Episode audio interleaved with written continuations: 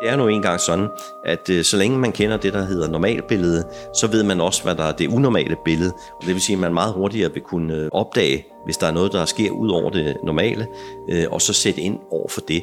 Og der ser jeg bare en stigende rolle for, for hjemmeværende i de kommende år fremover, i takt med, at, at der bliver behov for mere og mere overvågning, både over og under vandet.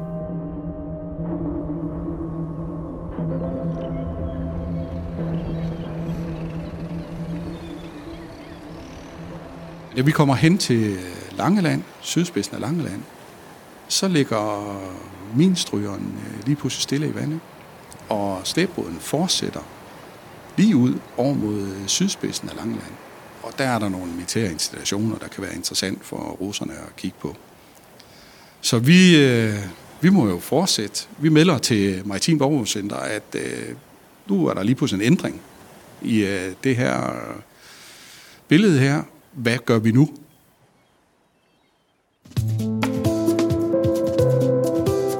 Velkommen til en skarp fritid.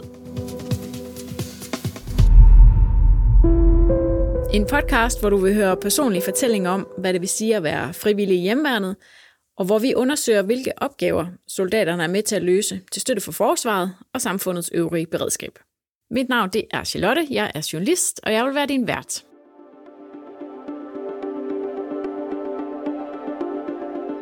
Episoden her, den har vi valgt at kalde farvandsovervågning. Og du kommer med ud på havet og i nærkontakt med en russisk slæbebåd på afveje. Og du skal møde en af de soldater, som var ansvarlig for, at slæbebåden blev sendt tilbage på rette kurs.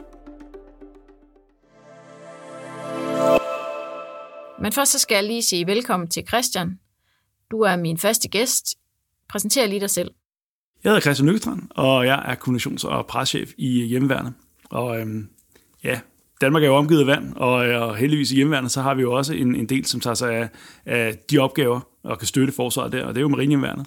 Og øh, der er jo 30 fartøjer, som ligger rundt omkring i hele Danmark og er klar til øh, på, på kort varsel faktisk at gå ud og så både støtte med farvandsovervågning, eller også med, med, med søredning, hvis vi kommer dertil. Men øh, først, når det handler om overvågning, så er der lige nogle begreber, vi skal have på plads. Så vi har været forbi Center for Militære Studier ved Københavns Universitet for at tage en snak med overlovskaptajn og militæranalytiker Jens Vindsel, som kan gøre os lidt klogere på de forskellige udtryk. Han forklarer os her, hvad MDA er. Altså MDA, det er jo et, et, et bredt begreb, som øh, betyder i virkeligheden Maritime Domain Awareness. Og det er i virkeligheden øh, evnen til at kunne overvåge og finde ud af, hvad er det, der foregår på det maritime domæne. Det vil sige til søs, øh, hvad der foregår der over øh, vandoverfladen, og også hvad der foregår i virkeligheden under vandoverfladen. Generelt set er det et sådan et farvandsovervågningsbegreb øh, på det maritime område, hvor man er klar over, hvad der er, der foregår, og man er opmærksom på de ting, der foregår. Jens han forklarer os også, hvad det så er for et billede, der er i forhold til MDA. Jamen altså, i, i forhold til MDA kan man jo, man kan jo næsten lægge an, alt ind under, fordi det kan, det kan spænde lige fra hybride trusler til cybertrusler. Øh, det kan spænde øh, fra trusler, der lige pludselig manifesterer sig øh, i vores øh, område. Øh, vi har set det russiske aktivitet i form af skibe, som, som i virkeligheden har lavet hvad skal jeg sige, mapping-aktiviteter øh, af, af den infrastruktur, som ligger på havbunden. Vi har set øh, sprængningerne ude, i, øh, ude øst for Bornholm. Øh, selvom det for øjeblikket er uklart, hvem der har gjort det, så var russerne i hvert fald til stede i dagene op til. Så der kan jo være en sammenhæng mellem det, uden jeg skal sige, at det nødvendigvis er russerne. Men det er bare et udtryk for, at øh, der sker aktiviteter i vores farvand, og de farvand er vi simpelthen nødt til at, at være i stand til at overvåge meget bedre, og der er marinehjemmeværende en, en, en selvskreven øh, en, enhed, øh, hvis jeg skal kalde det det, eller, eller en organisation, som i allerhøjeste grad kan bidrage til, at vores MDA styrkes, og vi er mere klar over, hvad der er, der foregår, såvel over som under vandet. Med det på plads, så skal vi møde Søren, som til daglig er fastansat ved Søværnet, og desuden så er han fartøjsfører ved Marinehjemværnet. Og han mærker også de nye tider i hjemværnet.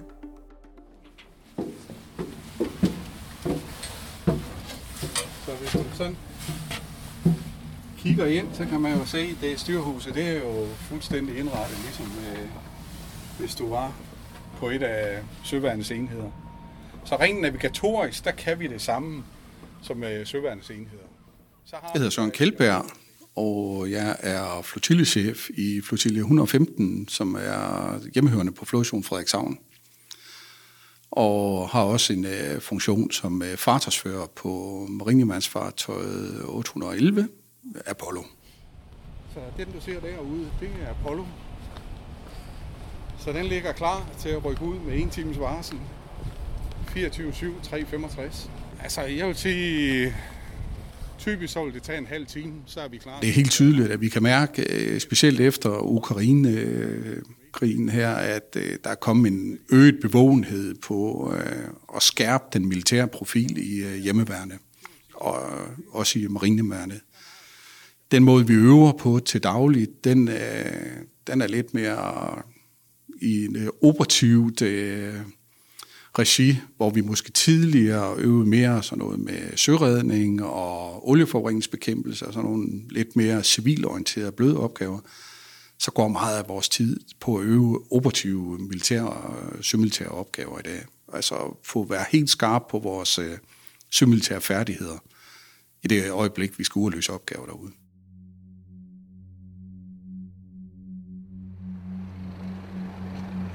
Havde for en øh, rum tid siden, der var vi på en øh, farvandsovervågning for søvand i en weekend.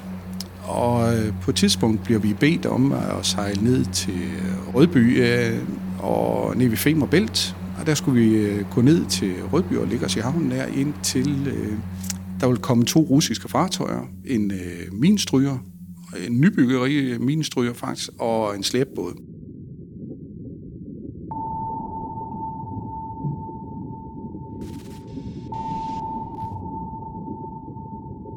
Minstryger, det er et øh, fartøj, som er bygget til at undersøge øh, havbunden for miner, øh, altså eksplosivstoffer, der ligger derude. Og den kan så også øh, uskadeliggøre de her miner der. Så det er, øh, udover at det, det kan blive brugt til at øh, hvad kan man sige, fjerne miner i øh, eget farvand, det er meget praktisk. Så kan man også bruge sådan et skibs øh, zoner og sådan noget til at undersøge havbunden op igennem danske farvande. Så den, på den måde, så kan de undersøge, hvordan vores øh, infrastruktur er ude på havet derude, og de kan få styr på sejlrender og sådan nogle ting. Så det, det giver dem faktisk en masse øh, informationer, som de kan bruge rent operativt.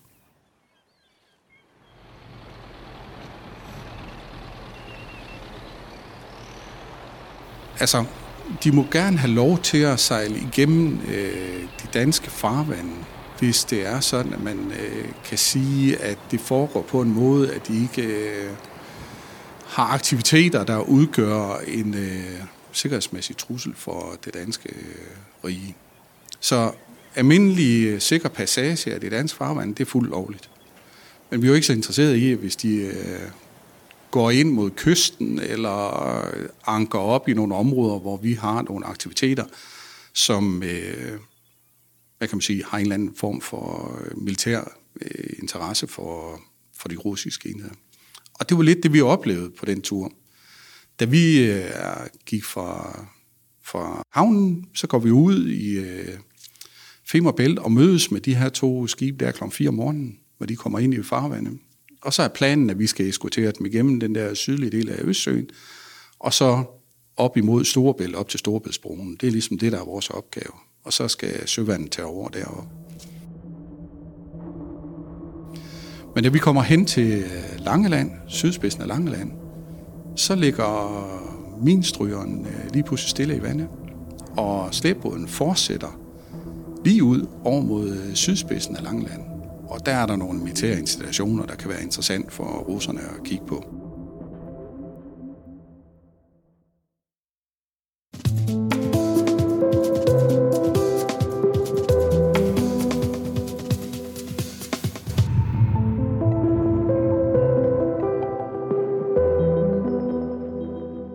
Før vi går videre med Sørens fortælling om mødet med russerne, så skal vi tilbage på Center for Militære Studier, hvor Jens Vindsel forklarer os, hvorfor det er nødvendigt at holde øje med aktivitet på vandet, og hvad det er for nogle sårbare installationer, vi skal passe på. Vi har set øh, Nord Stream som det mest tydelige eksempel på, hvor, hvor hurtigt man faktisk fra samfund, samfundets side blev klar over, her er der et stykke infrastruktur, som er sårbar. Og, og det er kun fantasien, der sætter grænser for, hvordan man i lignende grad vil kunne ramme vores øh, havvindturbinparker øh, ud til søs. Der er også kun øh, fantasien, der sætter grænser for, hvordan øh, landinstallationer kan trues af forskellige art. Altså alt det, der som, som vi er så afhængige af som samfund, alt den øh, infrastruktur, øh, vi som borgere er vant til osv., det kan i virkeligheden trues, og, øh, og, og bliver formentlig også allerede, øh, hvad skal man sige, øh, på, på nogen vis øh, lokaliseret, øh, og, og, og, og der bliver øh, formentlig også holdt nøje øje med, hvad er det for nogle sårbare samfundsinstallationer, vi har i forhold til det, at skulle man eksempelvis må, ville ramme Danmark på forskellige områder, jamen så, øh, så, så kan man gøre det.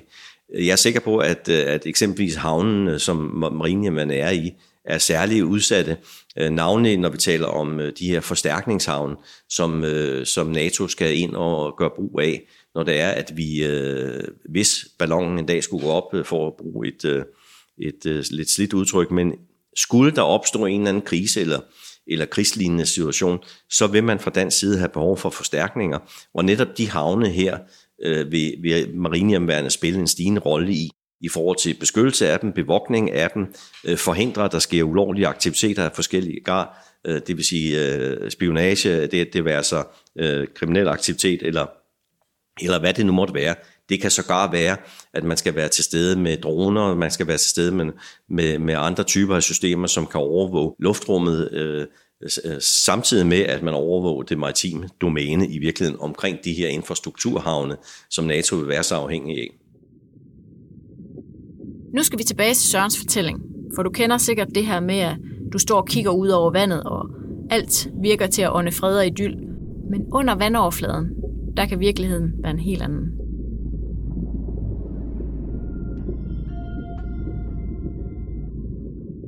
Altså, der er datakabler og strøm og olieinstallationer og alt muligt. Så der, der er masser af ting, som vi ikke sådan lige umiddelbart går, når vi går og kigger ud på, på havet og ser løssejl og sådan nogle ting, tænker, at det her ude, det er relevant at, at have fartøjer og skib liggende derude og, og patruljere.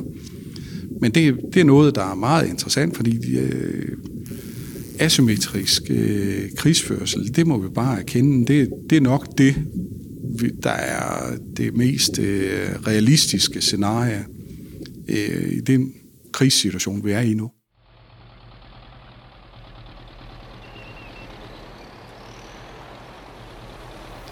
Så vi, øh, vi må jo fortsætte. Vi melder til Maritim Borgercenter, at øh, nu er der lige pludselig en ændring i øh, det her billede her. Hvad gør vi nu? Og vi får besked. Følg den for pokker. Huha. For det her forsøger at få det bremset, det her. Afvise dem. Så vi følger med den her slæbbåd øh, vestover og over mod øh, Langland. Og vi har jo ikke, øh, vi har ikke våben eller andre sådan aggressive metoder, vi kan afvise på. Så det er sådan noget med at sejle tættere og tættere på. Og på et tidspunkt, så er vi så tæt på den her slæbåd her, så vi kan jo se det hvide i øjnene på hinanden. Og det, det er sådan den måde, vi ved vores tilstedeværelse og synlighed, der forsøger vi ligesom at synliggøre, at det her, der foregår nu, det er vi ikke interesseret i.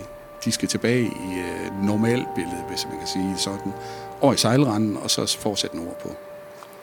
Så det her, det holder lige på i sådan 20 minutter og en halv time. Og hvad er det så for nogle tanker, man gør sig i de her 20-30 minutter? Jamen altså, det er, det er jo øh, helt tydeligt, at besætningen fornemmer, at det her det er en helt anden situation, end bare at ligge og ekskortere øh, et fartøj op igennem øh, Storebælt. Det her det er en øh, oplevelse af, at lige pludselig så er vi uden for den her øh, fortrolighed øh, med opgaverne. Ikke? Altså, det, det er nyt, og vi øh, skal tage nogle øh, beslutninger med rimelig kort varsel, som kan have indflydelse på skibets sikkerhed og besætningens sikkerhed. Og så det, vi skal tænke os godt om, fordi vi ved jo ikke, hvordan den øh, enhed, den russiske enhed, det russiske skib, vi følger, hvordan vil de reagere? hvad kan de finde på nu? Så der var, meget, der var noget usikkerhed og lidt utryghed i øh, besætningen. Men det er jo, vi øver jo rigtig meget på at, at være gode til det her sømandsmæssige, de sømandsmæssige færdigheder, så vi kan agere på en hensigtsmæssig måde. Så folk tager det professionelt, men man fornemmer tydeligt, at hov, her er der noget, der er anderledes skarpt end øh, de almindelige hverdagsopgaver. Men hvorfor sker det her? Altså, hvad er det, russerne gør? Det kommer Søren med sit bud på her. Jamen, altså, det er helt tydeligt. De tester os jo af hele tiden. For vores villighed til at forsvare det danske farvand, og der er også nogle øh, installationer i det område dernede, både nationale og NATO-installationer, som er interessant for russerne. Så hvis de kan komme ind i det område der og lave målinger og tester og sådan noget, så, så gør de det.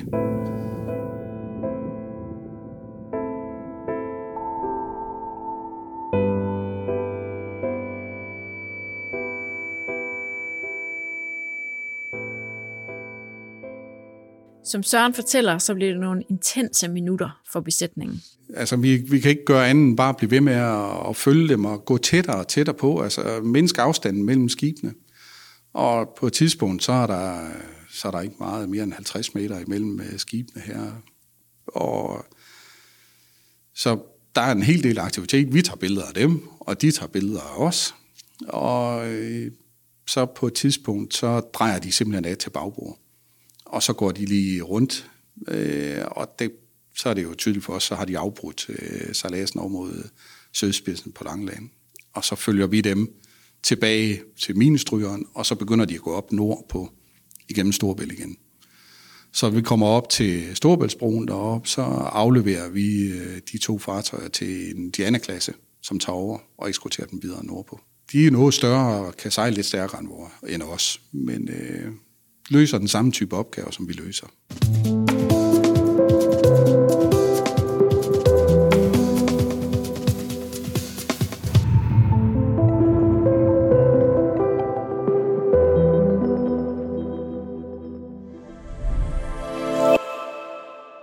Christian, nu har vi hørt Sørens fortælling om en af de mange opgaver, han har været med til at løse.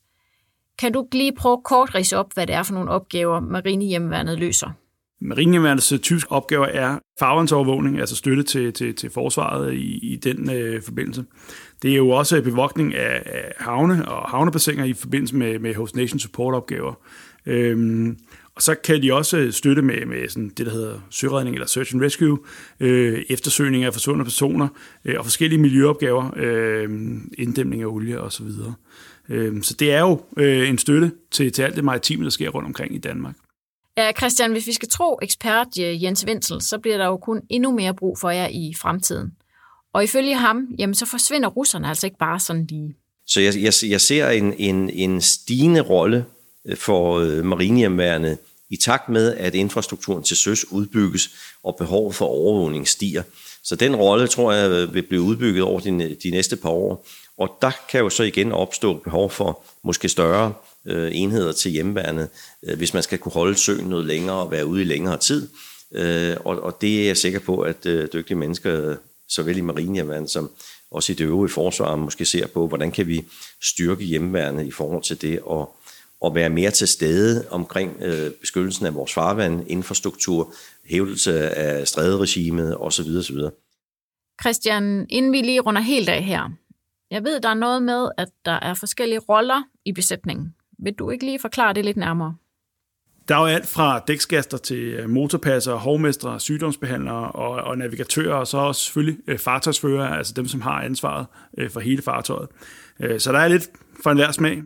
Man starter typisk som dæksgast, og så bevæger man sig opad og får mere og mere erfaring og uddannelse, inden man, for dem, som ønsker det, kan ende som fartøjsfører. Men uanset hvilken rolle du får, så er der helt sikkert et begreb, som du kommer til at lære, og det er AIS det, det er jo typisk sådan, når øh, skib sejler rundt i det danske farvand, så har de sådan en AES-transponder tændt. Og den udsender nogle oplysninger om, hvad det er for et skib, og øh, IMO-nummer, og i det hele taget, hvor kommer de fra, hvor skal de hen, og sådan mange, mange praktiske oplysninger. Når de, og når de sejler rundt med den tændt, så har vi meget godt styr på, hvem det er, og hvor skal de, hvad laver de her? Øh, der kan vi godt blive sendt ud for at verificere det. Om det, de kan se på AES-transponderen op i det maritime overvågningscenter, stemmer overens med det skib, der er derude. Altså, står der de samme oplysninger i AES-transponderen, som vi kan udlede på skibet derude? Navn og imunummer og sådan nogle ting der. Fordi det kan man godt manipulere med. Og der er også øh, tilfælde, hvor øh, specielt sådan russiske øh, krigsskibe, kan vi kalde dem. Ikke? Det behøves ikke nødvendigvis være et øh, gråt krigsskib, men øh, det kan være en civil udseende slæbåd, sådan noget. Men øh, russer, så slukker de for deres transpondere. Og så har man kun et, øh, man sige, vi har et, ra, et radarsignal på, at der er en enhed derude, men vi kan ikke se, hvem, hvem det er, og hvad det er for en type. Og der vil vi blive sendt ud for at verificere sådan et øh, skib, og eventuelt også øh, ekskortere det ned igennem de danske farvande for at holde styr på, at de, øh, de ikke laver noget, som vi ikke har lyst til. Er du blevet nysgerrig, og vil du vide mere? Jamen, så finder du mere information på websitet vistillerop.dk. Og så synes jeg da også, du skal lytte med på de andre episoder i den her podcast-serie.